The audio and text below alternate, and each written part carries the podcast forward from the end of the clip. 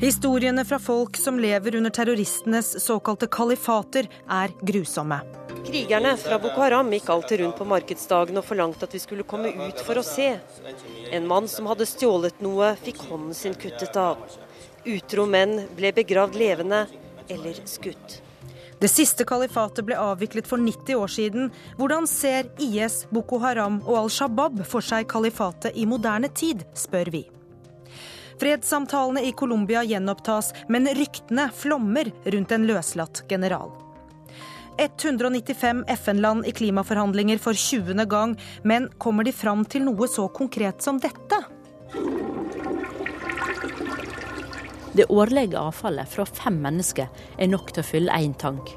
Og på det kan bussen kjøre 300 km. God formiddag og vel møtt til Urix på lørdag. Jeg heter Gry Blekastad Almås. Al Shabaab, Boko Haram, Den islamske stat. Felles for de tre fundamentalistiske gruppene er målet om å etablere et kalifat, en islamsk stat. Men hva innebærer egentlig det? Nordøst i Nigeria har Boko Haram erklært et område for et kalifat. Afrikakorrespondent Kristine Presthun er i nærheten av dette området, og møtte denne uka folk som har flyktet fra Boko Harams jerngrep. Menn i bønn, alvorlige menn.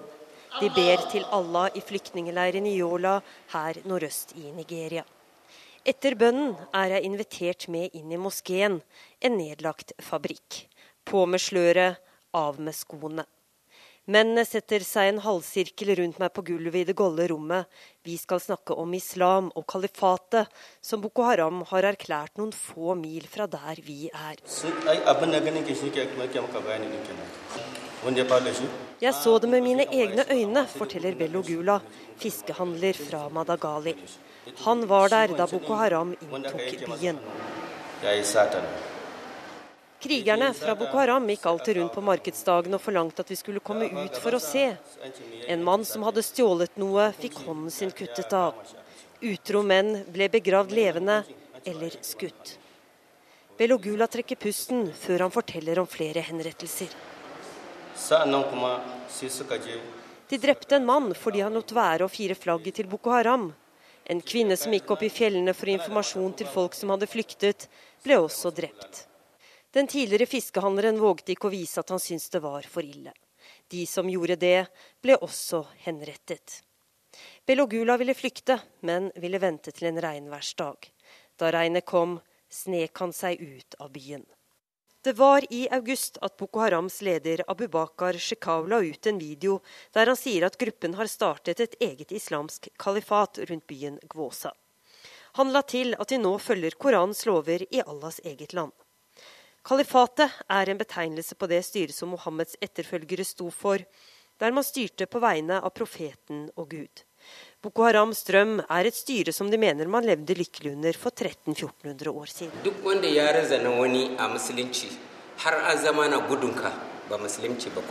Det de gjør, er helt imot islam, sier Ibrahim Likafito. Han er en eldre mann i en lys fotsid-skjortel. Han avviser at Boko Harams ideologi har noe som helst med islam å gjøre.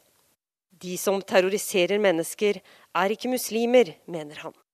Utenfor moskeen møter vi Abbasad, som har flyktet fra Michika, som ligger i samme delstat som Yola. Det er ikke lenger dit fra der vi er nå, enn om du skulle kjøre fra Oslo til Larvik. Ikke rart at alle vi snakker med, er redde for at Yola er Boko Harams neste mål. Abbasad forteller om hvordan han så at sharia ble praktisert i Michika. Su uku ne, amma gaskiya ni ban san biyu ba, ɗaya ne na sani. En morgen ble vi alle beordret til å gå til emirens palass. Der var det tre gutter som var bundet på både hender og føtter. Vi ble fortalt at de var tatt for å stjele. Så la de guttenes armer på en skifersten, før en mann tok et sverd og kuttet av hendene deres. Abbasad viser med store armbevegelser hvordan bøddelen svingte sverdet. Han forteller at han kjente en av guttene godt fra sitt eget nabolag, og han sier jeg trodde jeg skulle dø da jeg så hva de gjorde med ham. Det er sterke beretninger. Eh, professor i religionshistorie Torkel Brekke. Hva har dette med religion å gjøre? Det er jo et fryktelig vanskelig spørsmål. Jeg tror alle er enige om at når man skal forstå den type bevegelser, så må man først og fremst ned i den lokale konteksten, som her og veldig ofte handler om eh, politiske forhold og økonomiske forhold. Dette er en del av Nigeria som er økonomisk tilbakestående. Det er områder hvor staten eh, verken har eh, evne eller vilje egentlig til å skape gode liv for folk flest. Og da får man eh, forutsetningene som skal til for den type bevegelser. Og mye av det som Boko Haram driver med, er jo ren mafiavirksomhet med økonomiske motiver. Men de erklærer Men, altså et kalifat ja, som har en religiøs nemlig. assosiasjon? Så det er jo for enkelt å si at det ikke har noe med religion å gjøre. Fordi eh, denne delen av Afrika har også en veldig lang tradisjon for karismatiske religiøse personer som eh, står fram og nettopp erklærer denne type kalifater og gjør væpnet motstand mot staten. Forsøker å grunnlegge nye politiske styrer. Så det er helt klart det er, det er et lang historie her med, med, religiøs motstand mot staten, samtidig som det er også selvfølgelig er en veldig viktig kontekst av Eh, som, som, handler om den nigerianske staten i dag, da, dens manglende kapasiteter. ikke sant? Men hva innebærer eh, et kalifat, hvis det går an å si noe mer generelt om det? Ja, Det er vanskelig å si, men det, eh, kalifat er jo et styresett som er styrt av en kalif, altså stedfortrederen for Mohammed, som politisk overhode for muslimer som fellesskap i verden. da. Eh, og først og fremst så er vel de fleste som er opptatt av kalifatet, de tenker seg jo at det er et styresett hvor man baserer seg på sharia, altså islamsk juss, som antageligvis er det viktigste kriteriet. da. Men det er viktig også å si at um, i islamske stater gjennom historien så har dette med sharia, med jussen, vært praktisert på veldig forskjellige måter. Fordi um, islamsk juss alltid er opplandet med lokale juridiske tradisjoner, loka, lokale skikker osv. Så, videre. så dette har variert veldig. Mm. Boko Haram proklamerte sitt kalifat bare to måneder at IS uh, kom med sitt uh, i sommer. Kan det eksistere mer enn ett kalifat? Det har jo eksistert flere enn ett kalifat eh, historisk. Avgangen. ja, men, men, på en måte så ligger det i, i det, å, det, å, proklamere et kalifat, så ligger det veldig store ambisjoner. Fordi da sier man at man samler alle muslimer. Ehm, mange av de islamske statsdannelsene de har litt mindre ambisjoner og sier at de er sultanater eller emirater, som er litt sånn lavere nivå. Så, så i, i, en teoretisk forstand så kan man si at eh, kalifater utelukker hverandre, men, men, i realiteten så er det jo flere som har, som har proklamert dette, selvfølgelig. da. Og flere kalifer også, da. Flere kalifer som kan konkurrere litt, ja. Vi vet lite om hvor stort område Boko Haram faktisk kontrollerer nå, men ifølge BBC så eh, er det i hvert fall større enn Nord-Irland. Eh, og det er altså ikke bare Boko Haram. Somalia denne uka. Minst tre personer i tilknytning til en FN-kolonne ved flyplassen i Mogadishu blir sprengt døde. Den fundamentalistiske terrorgruppa Al Shabaab sto bak. Kenya denne uka. Minst 36 arbeidere i et steinbrudd ble massakrert mens de sov. Al Shabaab sto bak, og president Kenyatta sier terrorgruppas mål er å etablere et ekstremistisk kalifat. The obvious intent is to create hostility and suspicion across ethnic and religious lines and to drive non-Muslims from certain parts of this country. The ultimate aim of this atrocious campaign is to establish an extremist caliphate in our region. Og Libya denne uka. Den ytterliggående gruppa IS har etablert baser øst i landet, der USA og andre Nato-land bombet under krigen mot Muammar Gaddafi og hans eh, styre. Hvor like eller ulike vil du si IS, Al Shabaab og Boko Haram er? Som jeg var litt inne på i stad, så må man jo først og fremst ta utgangspunkt i lokale kontekster når man skal forklare disse bevegelsene. Det er det lokale som virkelig forklarer. Men samtidig så er det noe som binder dem sammen, og det er jo denne visjonen om at det fins et alternativ til den moderne staten. Og dette er jo eh, selvfølgelig deler av verden hvor eh, den moderne staten viser seg som brutal, som urettferdig osv. Det er vanskelig for nordmenn å kanskje forstå den ambivalensen til den moderne staten, fordi uh, vi lever under andre forhold. Men den viser Men, seg jo som ganske brutal, da, den styreformen disse grupperingene også Den er selvfølgelig også... helt forferdelig. Uh, men det jeg sier at det, er noe felles her med og det er den, den grunnleggende motstanden mot den moderne staten som styringsprinsipp.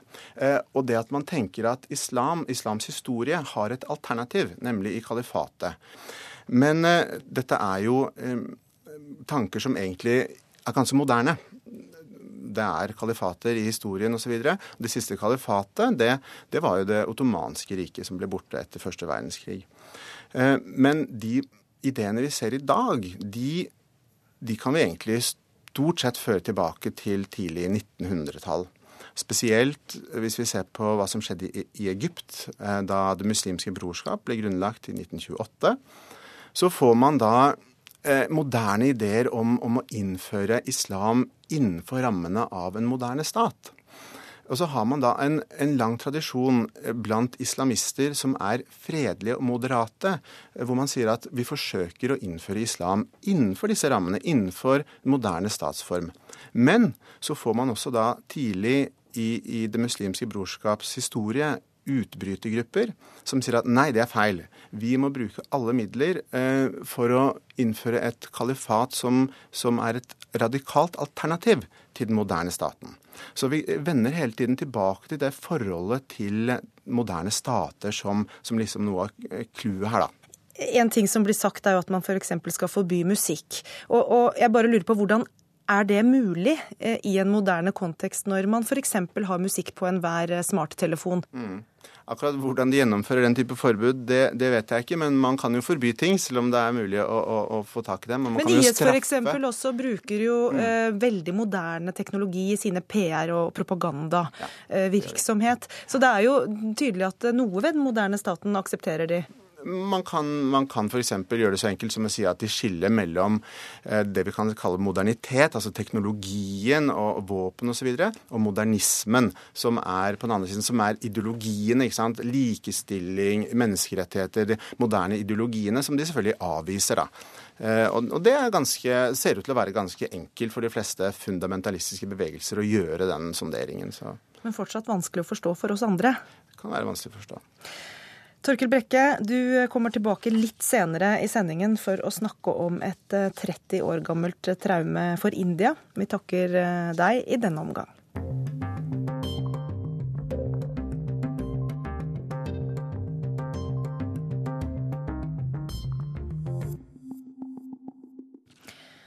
Til uka gjenopptas fredssamtalene om Colombia. De ble utsatt da FARC-geriljaen kidnappet en general i den colombianske hæren for to uker siden.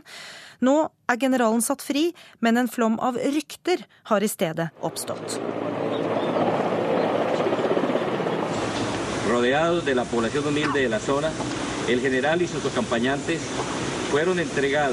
Omgitt av den fattige lokalbefolkninga ble generalen og hans folk gitt fri sa Ivan Marquez forrige søndag.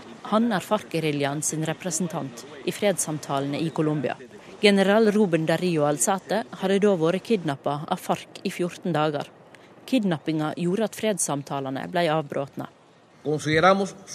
crisis e informamos que hemos acordado que el próximo ciclo de conversaciones tendrá lugar entre el 10 Krisen er overkommen, og fredssamtalene vil fortsette fra 10.12., sa den cubanske mekleren José Luis Ponce på tirsdag. Fredssamtalene starta for to år siden, og målet er å avslutte den 50 år lange konflikten i Colombia. 220 000 mennesker har mista livet i konflikten, og over fem millioner har blitt drivne på flukt. Geriljaen har kidnappa folk før, men aldri har de kidnappa en så høytstående militær. He solicitado al gobierno nacional mi retiro del servicio activo. Por mi honor militar, Jeg ber om å bli løst fra pliktene mine i militæret, sa general Alsate dagen etter at han ble satt fri. Grunngjevinga var at han ikke hadde fulgt tryggleiksrutinene, og den offisielle forklaringa er at generalen reiste i sivil og uten militært vern for å få bedre kontakt med de lokale. Han skulle til et vindkraftprosjekt, sier de. Men hva skulle han der? At han sa opp stillinga si, har gitt ytterligere grobunn for rykter. Men det er ikke alt. Hva gjorde han i skogen, og hvorfor var han kledd i sivil? Kan hende var han ute på en hemmelig romanse? Eller var han del av et korrupsjonsnettverk med geriljaen? Nå er altså disse ryktene kommet til overflaten da, om at etter sigende for å besøke de som driver disse illegale gullvaskingsprosjektene der, og, og for å motta bestikkelser fra disse. da. Så det er en, en høyst plausibel forklaring. Sier Øystein Kjetne. Han bor i Colombia og driver en nettstad som handler om hvor dødelig kokain er. Ikke bare for forbrukeren, men òg for de som bor i landene der kokain blir produsert, og langs smuglerrutene. Så der er, der er masse digre illegale gullvaskingsfabrikker i disse elvene. Og det er klart, eh, militære og andre myndigheter eh, ser gjennom fingrene med dette, og får betalt for å se gjennom fingrene med det. Generalen ble kidnappa i et område med mye ulovlig gruvegraving. De som krever etter gull der, må betale ei avgift til den lokale paramilitære gruppa og til den lokale geriljaen. Og det er denne geriljaen som nå kidnapper general Al-Sate. Men her har det tydeligvis vært et eller annet i samarbeidet da, mellom militære og de paramilitære og geriljaen som, som, har gått galt, og det har endt med at eh, geriljaen da har valgt å kidnappe generalen. Uansett hva generalen gjorde i området, om han skulle se på vindmøller, møte ei elskerinne eller få penger fra ulovlig gullgraving, så sier denne historien mye om hva fredssamtalene må rydde opp i. Colombia sitt problem stikker mye dypere enn at det eksisterer en eh, marxistisk eh, gerilja. Det er bare egentlig en konsekvens av disse enorme kokaininntektene som tilflyter landet. Eh, og som fører til dette voldsnivået i mange av de perifere områdene i landet, og til en massiv korrupsjon av samfunnsinstitusjoner. Avslutta Kjetne. Nå er i det minste floken med den kidnappa generalen løst. Og på onsdag starter fredssamtalene i Havanna opp igjen. Det var reporter Julia Loge som hadde laget denne reportasjen. Den 20. runden av FNs klimaforhandlinger startet i Lima, hovedstaden i Peru, denne uka. Og når miljøvernminister Tine Sundtoft kommer dit over helgen, har hun med seg dobbelt så mye penger til Det internasjonale klimafondet som opprinnelig planlagt. For regjeringen bevilger 400 millioner kroner hvert år de neste fire årene, istedenfor 200 millioner. Steffen Kalbekken, du er forsker ved Cicero, Senter for klimaforskning, og på vei til Lima, til den høypolitiske delen av forhandlingene som eh, er i ferd med å begynne nå. Hvor viktige er pengene for å løse verdens klimaproblemer? Finansiering står veldig sentralt. De rike landene har lovt å levere 100 milliarder dollar i året innen 2020 til tiltak i fattige land. Så langt så har man strevd med opp til 10 milliarder dollar. Så det norske bidraget er et viktig bidrag til å nå opp til i hvert fall 10 milliarder dollar. Og dette er veldig viktig for å bygge tilliten mellom rike og fattige land i forhandlingene. Og selvfølgelig også for de tiltakene de pengene kan brukes til å finansiere. Hva er det viktigste, foruten penger, da, man skal bli enige om på dette toppmøtet? Dette er et veldig viktig vei på veien mot en ny global avtale i Paris neste år. To ting skal helst på plass. Det en del av teksten man skal bli enig om i Paris neste år. Og så skal vi gjennom retningslinjer for hva slags bidrag landene skal melde inn i løpet av første kvartal 2015. Du blir sittende mens vi tar en liten omvei til, eh, eller via Storbritannia og et helt konkret eh, klimatiltak der. For der kjører det nå busser som bruker avføring fra mennesker som drivstoff. En buss dekorert med bilder av mennesker som sitter på do, kjører fra den engelske byen Bath. Og bussen den kjører på metangass fra avfall og kloakk.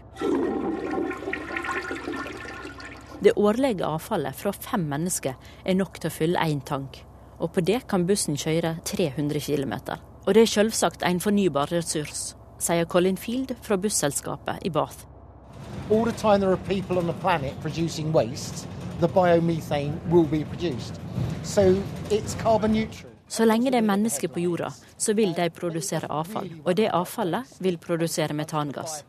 Dermed er gassen uendelig fornybar, sier Colin Field. Og det er fornybar energi verden trenger nå. Um, the fact that oil prices are so unpredictable is exactly one of the main reasons why we must move toward renewable energy, which has a completely predictable cost of zero for fuel. Med fornybar energi er en mindre avhengig av oljemarkedet, der prisene er svært ustabile, sa klimasjefen i FN, Christiana Figueres, da hun åpna klimatoppmøtet i Lima på mandag. I to uker skal de diskutere hvordan de kan nå målet om å kutte ut all fossil energi innen år 2100.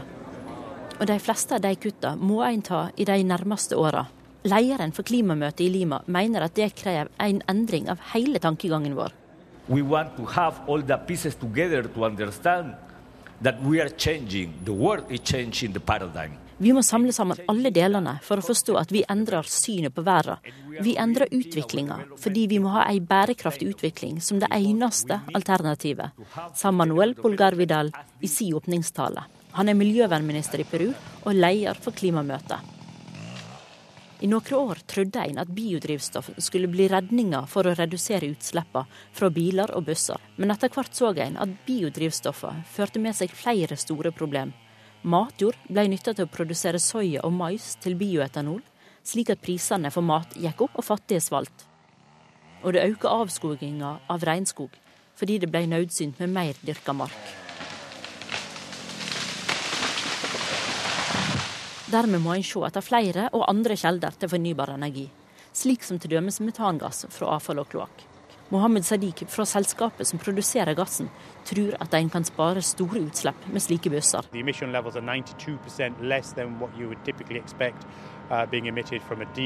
uh, Denne bussen vil slippe ut 92% mindre enn en dieselbuss, sier Sadiq.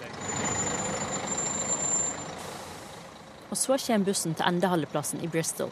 Ennå er den den eneste av sitt slag, men tilbudet av menneskelig avfall vokser. Og det gir òg etterspørselen etter fornybar energi. Sa reporter Julia Loge. Ja, det er mange måter å redde verden på, Steffen Kalbekken. Er det så konkrete tiltak som dette som diskuteres eh, under forhandlingene i Lima?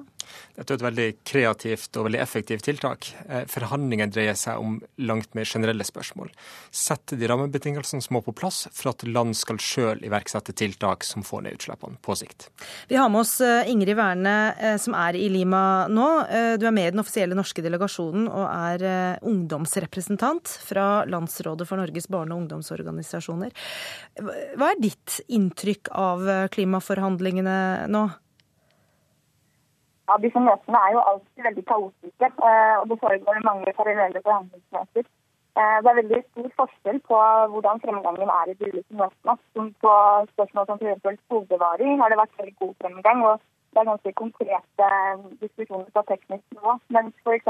de store spørsmålene om hvordan den nye avtalen skal se ut, og hvordan elementer som utslippskutt og klimafinansiering skal inngå i denne avtalen, er det veldig store Eh, uenigheter om.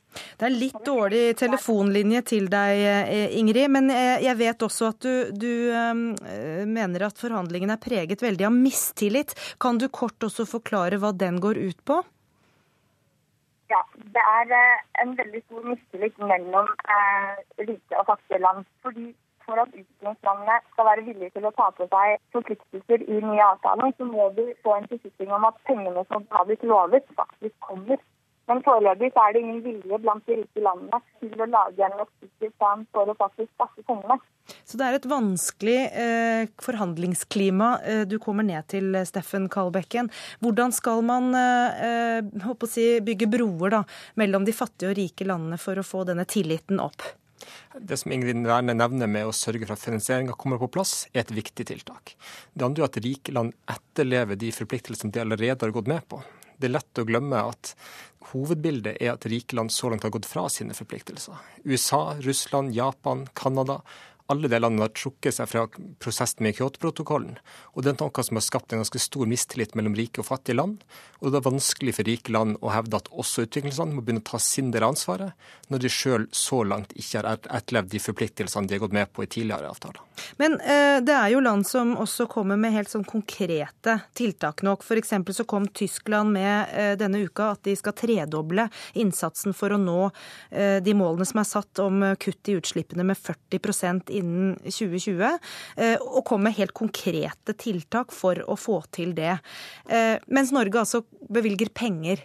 Eh, er dette ting som skaper et bedre forhandlingsklima for de dagene som kommer nå? Det gjør det helt klart. Å vise at man gjennomfører politikken i praksis, gjennom utslippskutt, gjennom finansiering, bidrar helt klart til å bygge tillit. Men dette gjelder i stor grad Norge, europeiske land. De andre vestlige landene har i liten grad vist samme vilje eller evne til å bidra til den globale dugnadsinnsatsen. Men det er ikke mange ukene siden vi hørte at Kina og USA har inngått en klimaavtale, og, det er vel ganske si, grensesprengende? Det er et veldig stort politisk framskritt. USA og Kina er de to største utslipperne. De har også vært de to største bremseklossene i denne prosessen gjennom mange tiår. At de to nå har inngått en avtale, gir mye stor grunn til optimisme foran møtet i Paris neste år. Vil du si at du er optimistisk eller pessimistisk på klimaets vegne, eh, når du da ser hvordan eh, forhandlingsklimaet eh, sliter? Det kommer til å bli veldig vanskelig å nå det togradersmålet som verdens land har satt seg. Men jeg er litt mer optimistisk enn jeg var for et år siden med tanke på hvor mye vi kan gå på den veien mot togradersmålet. Alt vi klarer å gjøre for å begrense klimaendringen er positivt, fordi skadene blir større jo høyere temperaturendringer er. Så ethvert framskritt er positivt, selv om vi kanskje ikke kommer helt til det målet vi har satt oss globalt.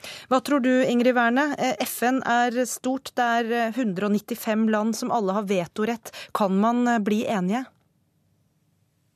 Det er veldig vanskelig å bli enige, men eh, jeg mener FN-forhandlingene er utrolig viktig, fordi det er det eneste stedet der alle land kan møtes og diskutere rettferdighetsperspektivene i klimaendringene, som er utrolig viktig. Eh, og Derfor så har jeg veldig tro på denne prosessen, selv om det går veldig sakte. Da får dere begge to ha lykke til med de kommende dagene med klimaforhandlinger i Lima, Ingrid Werne og Steffen Kalbekken.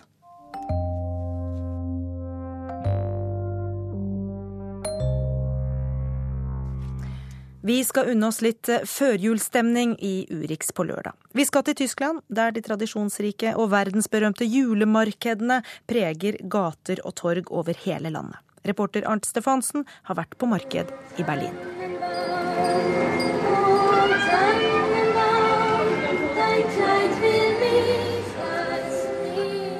Duften av brente mandler er det første som møter meg på julemarkedet under den berømte Gedächtniskirche, minnekirken i det vestlige Berlin. Det er en duft av hygge. En hel liten landsby av salgsboder er satt opp i området rundt minnekirken nå i adventstiden.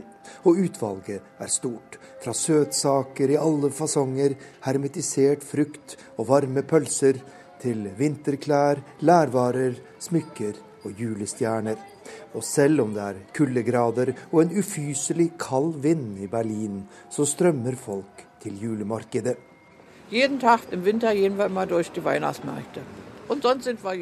Hver dag nå i vintersesongen går vi på julemarked, sier Victoria Hesse, som er på besøk i Berlin sammen med sin mann. Det er alltid så mye å se her, og så mye godt å spise og drikke. Og det gjør ingenting at det er surt og kaldt slik som i dag. Dette er en gammel og god tradisjon som det er viktig å holde fast ved, sier hun.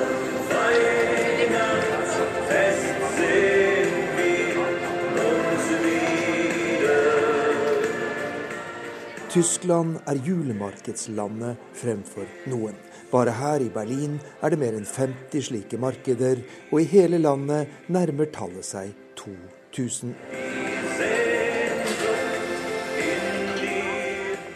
Tradisjonen går helt tilbake til middelalderen, da handelsmenn satte opp salgsboder i flere tyske byer og tilbød kjøttvarer og annen viktig næring for vinteren. Det første julemarkedet ble holdt i Dresden i det herrens år 1434, og markedet finnes fortsatt. Og visse tradisjoner kommer man rett og slett ikke forbi når man er på julemarked.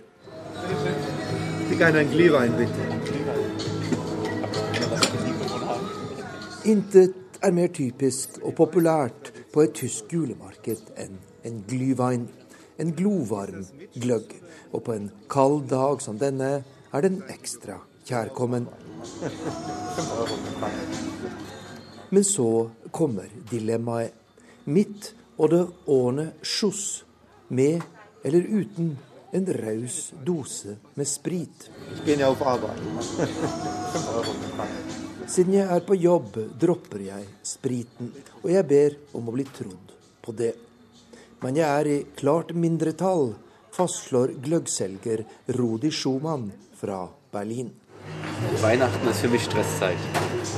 For meg er dette en stressende tid. Alle skal kjøpe gløgg, og ikke alle er like stødige på beina når de går som når de kommer. Men bevares, man møter veldig mange hyggelige mennesker i denne jobben, og stadig flere kommer fra utlandet, sier gløggselgeren her i Berlin.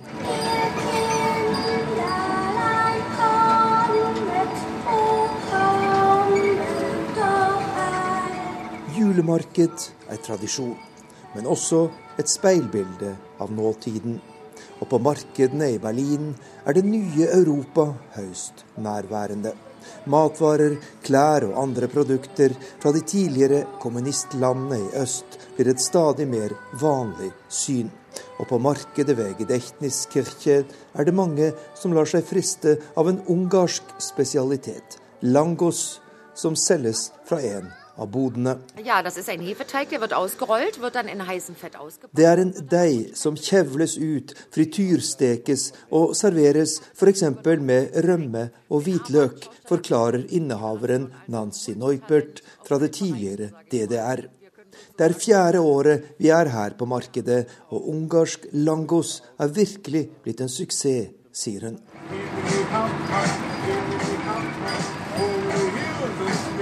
De siste årene har stadig flere nordmenn tatt turen til Tyskland for å oppleve stemningen på julemarkedene.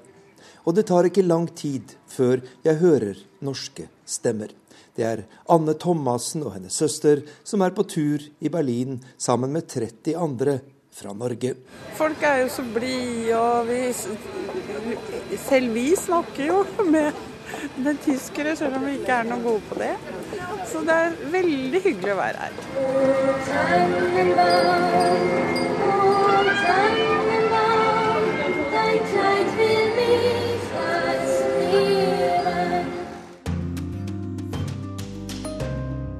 Klokka har passert halv tolv. Følg oss videre her i Urix på lørdag og få mer om disse sakene.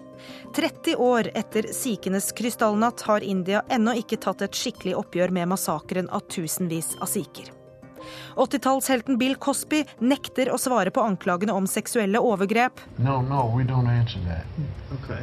I, I just wanted to ask if you wanted to respond at all about whether any of that was true. There's no response. Og korrespondentbrevet kommer denne uka fra USA. Hjemme hos oss er det ja takk begge deler i desember. Og det betyr gaver med både rødt og blått papir. Denne høsten er det 30 år siden det som er blitt kalt sikenes krystallnatt. Statsminister Indira Gandhi ble drept etter at hennes generaler hadde ødelagt sikenes aller helligste, det gylne tempel i Amritsar, i den pågående striden med sikher som ønsket seg løsrivelse fra India. I ukene som fulgte ble tusenvis av sikher forfulgt og massakrert, forteller reporter Philip Lote. Denne historien begynner den opprivende sommeren og høsten i 1984. Men for mange av de 24 millioner sikhene i verden begynte den lenge før.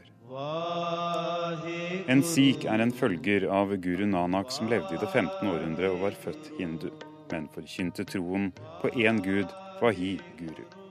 I en tid hvor islam vokste frem under det mugolske imperiet, i det som i dag er India, Pakistan og Afghanistan, organiserte sikhene seg gradvis mer militært og politisk i Punjab.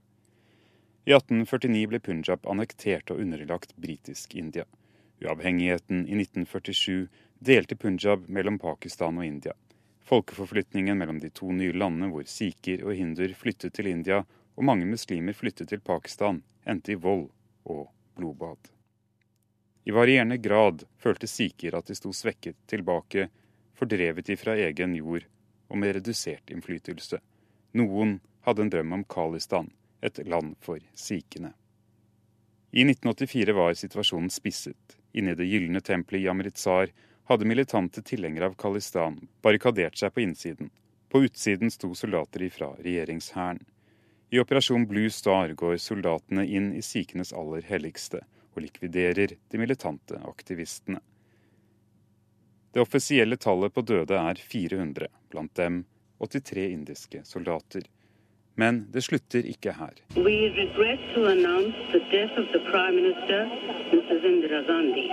Den 31. oktober 1984 blir statsminister Indira Gandhi drept av sine egne livvakter, begge sikher. I dagene som følger bryter det ut opptøyer i New Delhi og flere andre steder i India. Flere tusen sikher blir lynsjet og drept. Everything has been burnt. Our shop is burnt, our house is burnt. Only we have saved ourselves. Nothing is there. Etterforskningen tyder på at Indira Gandhis kongressparti gjennom sin kontroll over regjeringsapparatet bisto og var med på å organisere massakrene.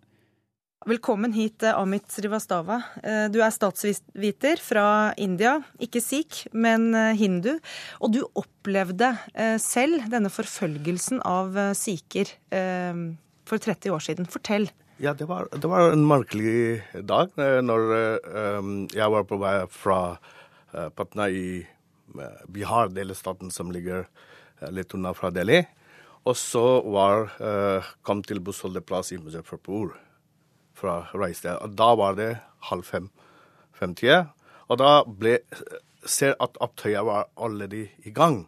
Og da var sett en gruppe mennesker som jaget en syk person, og så holdt han på bakken. Og da var hans eh, turban var vekk, hår var på og hadde blod på ansikt.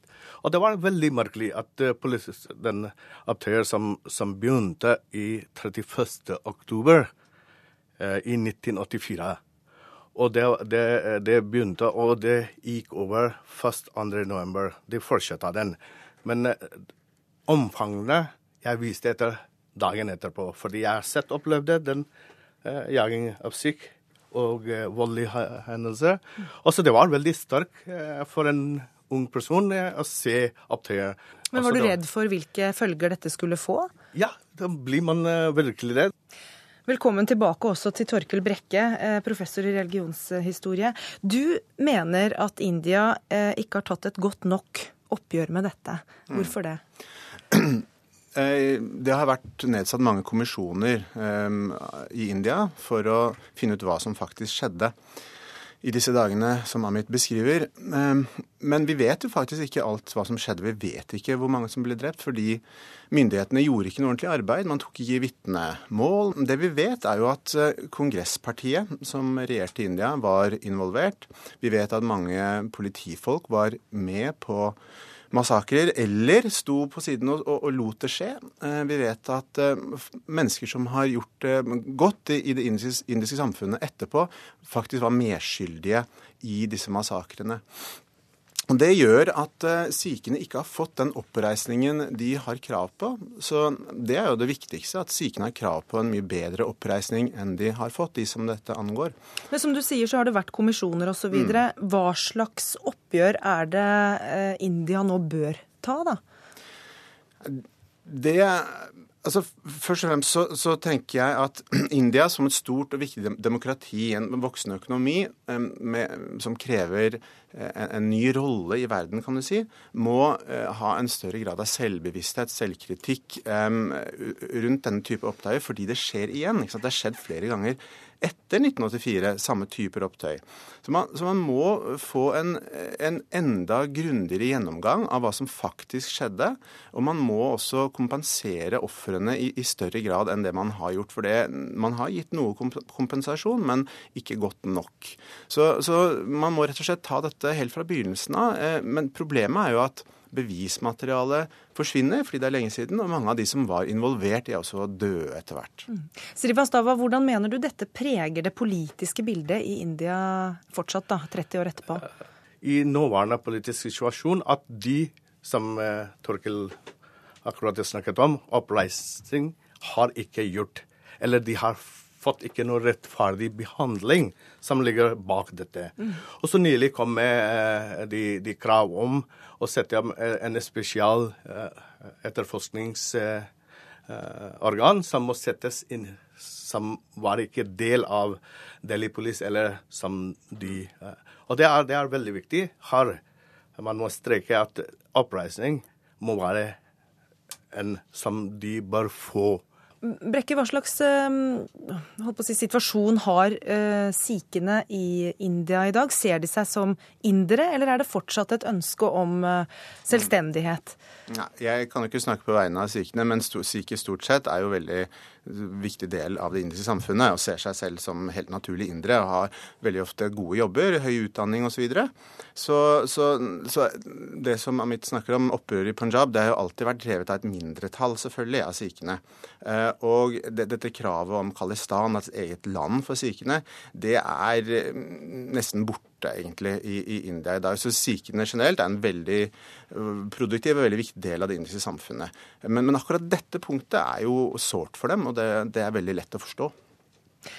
Og så uh, har dette uh, blitt markert nå 30 år etterpå over store deler av uh, verden. Ikke så mye i, i Norge. hvorfor mener du det er viktig å ikke glemme, heller ikke her, da, det som skjedde jeg mener jo, eh, litt som jeg sa i stad, at eh, når India nå blir en stadig viktigere spiller i internasjonal politikk, økonomi osv., så, videre, så så må man kreve at landet tar eh, et større ansvar for, for egen historie, egen politikk, og spesielt politikk når det gjelder minoriteter. Fordi India er et veldig komplekst land hvor det skjer Det er en del problemer knyttet til Eh, minoritetspolitikk. Og det, det skjer jevnlig overgrep på mindre skala, riktignok, men man har denne type politiske problemer som kommer igjen og igjen. Og, og da, krever, da, da, er det nødvendig å, ta, å, ta, et overblikk og, finne ut hvordan man skal løse dette på, på sikt. Da. Tusen takk skal dere ha, Amit Srivastava og Torkel Brekke.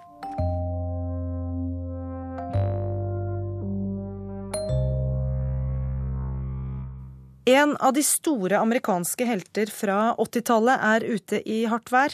13 kvinner har anklaget komiker og skuespiller Bill Cosby for seksuelle overgrep og trakassering. Selv nekter han å kommentere beskyldningene. Cosby var i ferd med å gjøre comeback på underholdningsscenen, men eh, er nå blitt skjøvet ut i kulden. Året er 1965. Det er midt under den kalde krigen, og TV-serier om spioner er det hotteste i Hollywood. Men premieren på programmet I Spy har noe amerikanske TV-seere aldri har sett før. En svart skuespiller i den ene av de to hovedrollene. Han het Bill Cosby.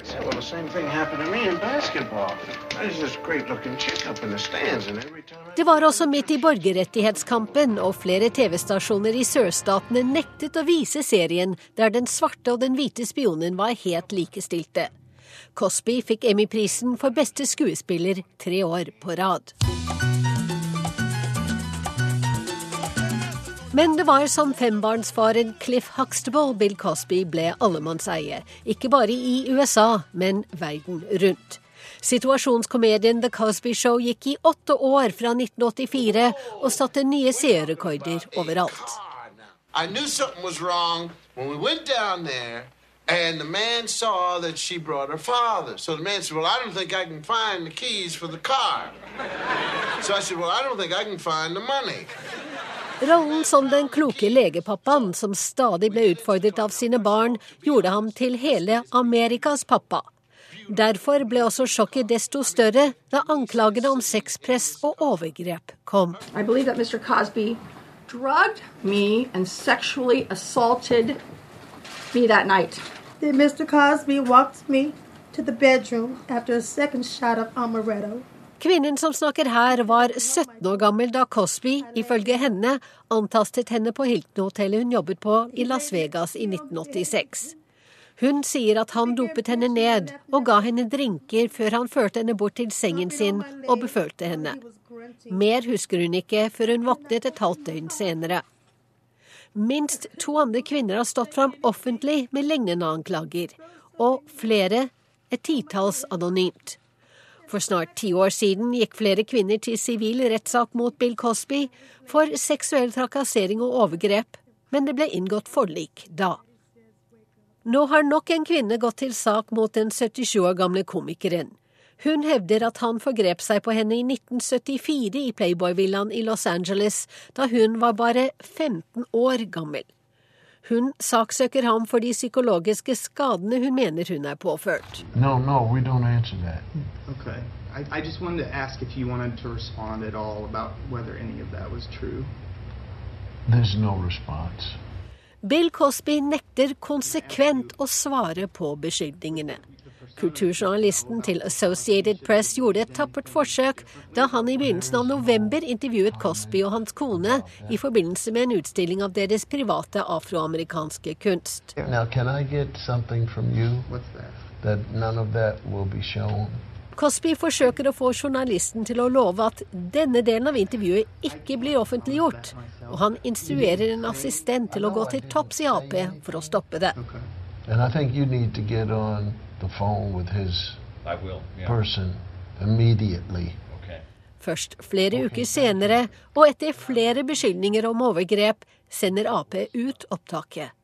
Så mye respekt nyter Bill Cosby. I want everybody to know that he is innocent until proven guilty. Let the courts decide. It's disgusting. The poor guy hasn't even been charged with anything. It sucks. I have no opinion on what goes on in his personal life. I'm not here to see the man, I'm here to see the show. Slett ikke alle tror på sexanklagene. Og for et par uker siden var det utsolgt hus og stående applaus da Bill Cosby skinte med sitt standup-show i Melbourne i Florida. Men hans planlagte comeback ser det ikke ut til å bli noe av foreløpig. En lang rekke opptredener er kansellert. Det er også to større TV-prosjekter han skulle være med på. Han har selv trukket seg etter 30 år som styremedlem ved Tempeluniversitetet i Pennsylvania for å unngå å skade skolens renommé. This, uh, Men Bill Cosby er like taus om beskyldningene i dag som han var overfor National Public Radio for en måned siden. No. I, I'm in the news business. I have to ask the question. Do you, do you have any response to those charges? Shaking your head no. Uh, there are people who love you who might like to hear from you about this. I want to give you the chance. All right. Den sjansen benyttet han altså ikke, Bill Cosby. Reporter her var Wenche Eriksen. Vi skal holde oss i USA når vi nå skal høre ukas korrespondentbrev. Det er sendt fra en motorvei i USA, for det er stedet der både julestria og andre høytider innledes for vår USA-korrespondent Tove Bjørgaas. Støvler og jakker, ski og staver og bursdagsgavene som ikke ble sendt for et par måneder siden. Alt er pakket i bilen, og nå siger vi ut av hovedstaden. Foran skjema for en gangs skyld for det er bare tirsdag, og vi skulle egentlig dra i morgen. Men så kom værvarselet, og det var et sånt blinkende rødt et med blokkbokstaver. Når det er helt vanlige norske snøbyger på motorveien mellom Washington og Boston, da heter det snøstorm her. Nesten ingen har vinterdekk, og ikke er de spesielt vant til å kjøre på slapsete veier heller. Derfor er det best ikke å befinne seg nettopp på motorveien på slike dager og aller minst på den tredje onsdagen i november. Da er 40 millioner mennesker på reisefot, nemlig. Og fordi bensinprisen er lavere enn på årevis, var det rekordutfart onsdag for halvannen uke siden. Ikke siden 2007 har så mange amerikanere reist av gårde med bil, ifølge Trippel A, bileierforeningen her. Amerikanere er vanligvis individualister, men på thanksgiving, da opererer de i flokk. Da skal alle hjem til mor den samme onsdagen, dagen før kalkunen skal inntas. For thanksgiving er høytiden som samler amerikanerne, uansett hva de tror eller ikke tror på.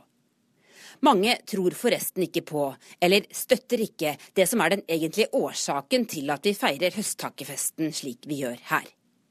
I 1621, ved Plymouth-plantasjen i dagens Massachusetts, ikke så fryktelig langt fra der jeg sitter i bilen på vei nordover og skriver dette, feiret kolonistene den første vellykkede innhøstingen i sitt nye hjemland. De feiret den kristne høsttakkefesten rundt Mikkelsmess 29. november, heter det, og urfolk fra Wampanoag-stammen var invitert. De 50 pilegrimene fra Europa som var igjen i kolonien, deltok sammen med 90 fra urbefolkningen, het det i beretningene fra noen av dem som var til stede. I tre dager til ende takket pilegrimene Gud for det de hadde høstet. Det sto fisk og kjøtt på bordet, men også kalkun og mais. Og det gjør det den dag i dag på thanksgiving. Sammen med tranebærsaus, søtpoteter, bønner og gresskarpai. Og selv om man ikke støtter den elendige behandlingen USAs urbefolkning fikk for 400 år siden og senere, så er det lett å fylle thanksgiving med nytt innhold. Dette er ingen religiøs høytid her. Det er en samlende høytid som alle kan feire. For alle har vi vel et eller annet å være takknemlige for. Årets høsttakkefest ble i alle fall en takknemlig affære for min del. Den åtte timer lange bilturen nordover ble avsluttet før snøværet begynte. Uten de store køene og uten flate dekk eller iPad-batterier i baksetet. Ingenting er som å komme til et hus ute i skogen med fyr på peisen og hjemmelaget pizza i ovnen. Neste dag våknet vi til ikke mindre enn 30 cm nysnø. Det er mye snø, det, og nok til at snøkanonsnøen får et mykt teppe over seg og slalåmbakken går for fullt.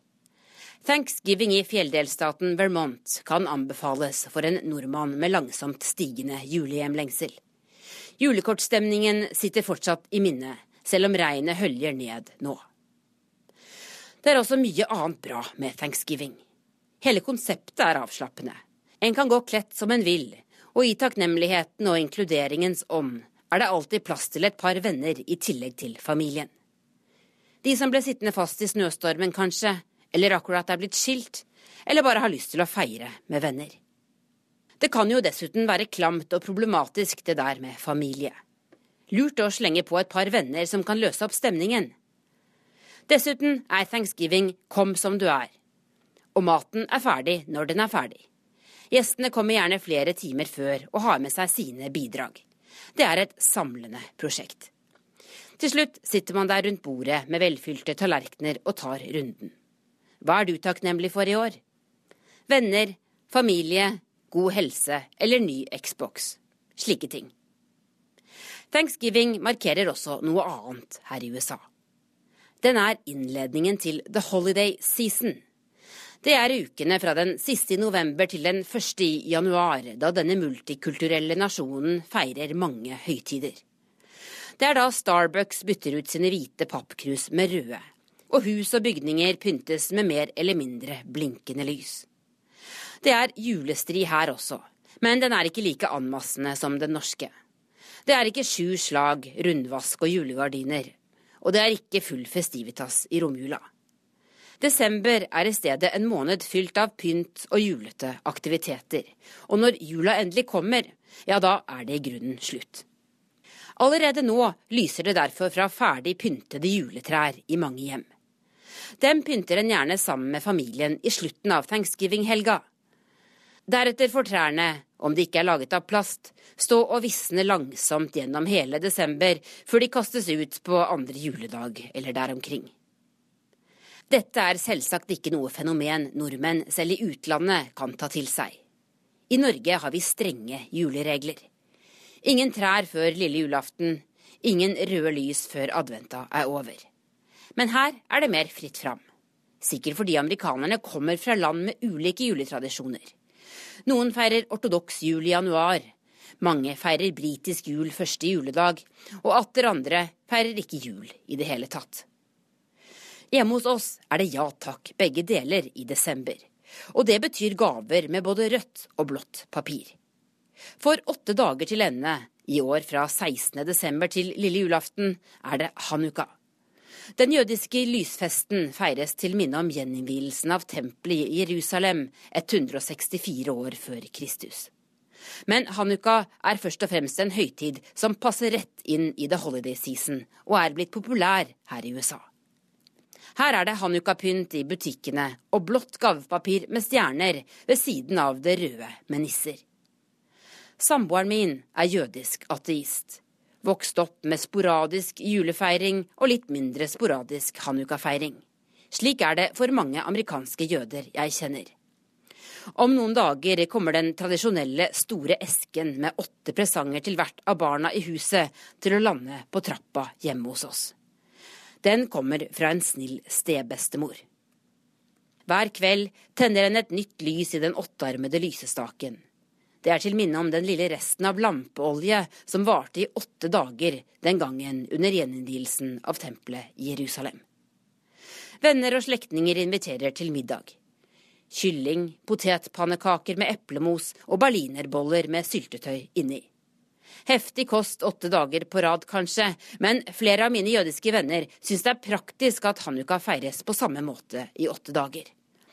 Da kan en invitere ulike deler av familien som f.eks. ikke snakker sammen, ulike kvelder. Det er plass til venner, og en kan spise middag både hjemme og ute. Praktisk og fleksibelt, slik amerikanerne liker det. I grunnen er det vel ingen som har sterkere juletradisjoner enn vi skandinaver. Og for meg er det rart at ikke alle har den samme julehjemlengselen i desember. Men samboeren min har altså ikke det. Nok en gang skal han tilbringe jula alene i USA, mens jeg reiser til Norge. Han gleder seg til å lese bøker og feire det han kaller jødisk julekveld. Og hva er så det?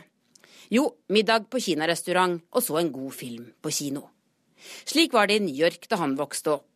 Kinarestaurantene og kinoene var åpne både julaften og første juledag. Kinesere og jøder fant hverandre i et slags julefellesskap. Det høres fullstendig stusslig stygg ut, syns jeg, å gå på kino på julaften. Men slik er det altså her. Og skal en bo i dette landet, får en godta at selv dem en har rundt seg, har ulike tradisjoner. Men takk og lov altså for thanksgiving. For den høytiden deler vi alle. Det merket vi på veien hjem fra årets feiring i Vermont. Det var nemlig sist søndag, den dagen minst 40 millioner amerikanere skulle reise hjem igjen. Det var USA-korrespondent Tove Bjørgaas som hadde undertegnet ukas korrespondentbrev. Eli Kyrkjebø hadde det tekniske ansvaret for denne sendingen. Her i studio takker Gry Blekastad Almås for følget. Vi er tilbake med Urix på TV mandag kveld. Ha en fin lørdag.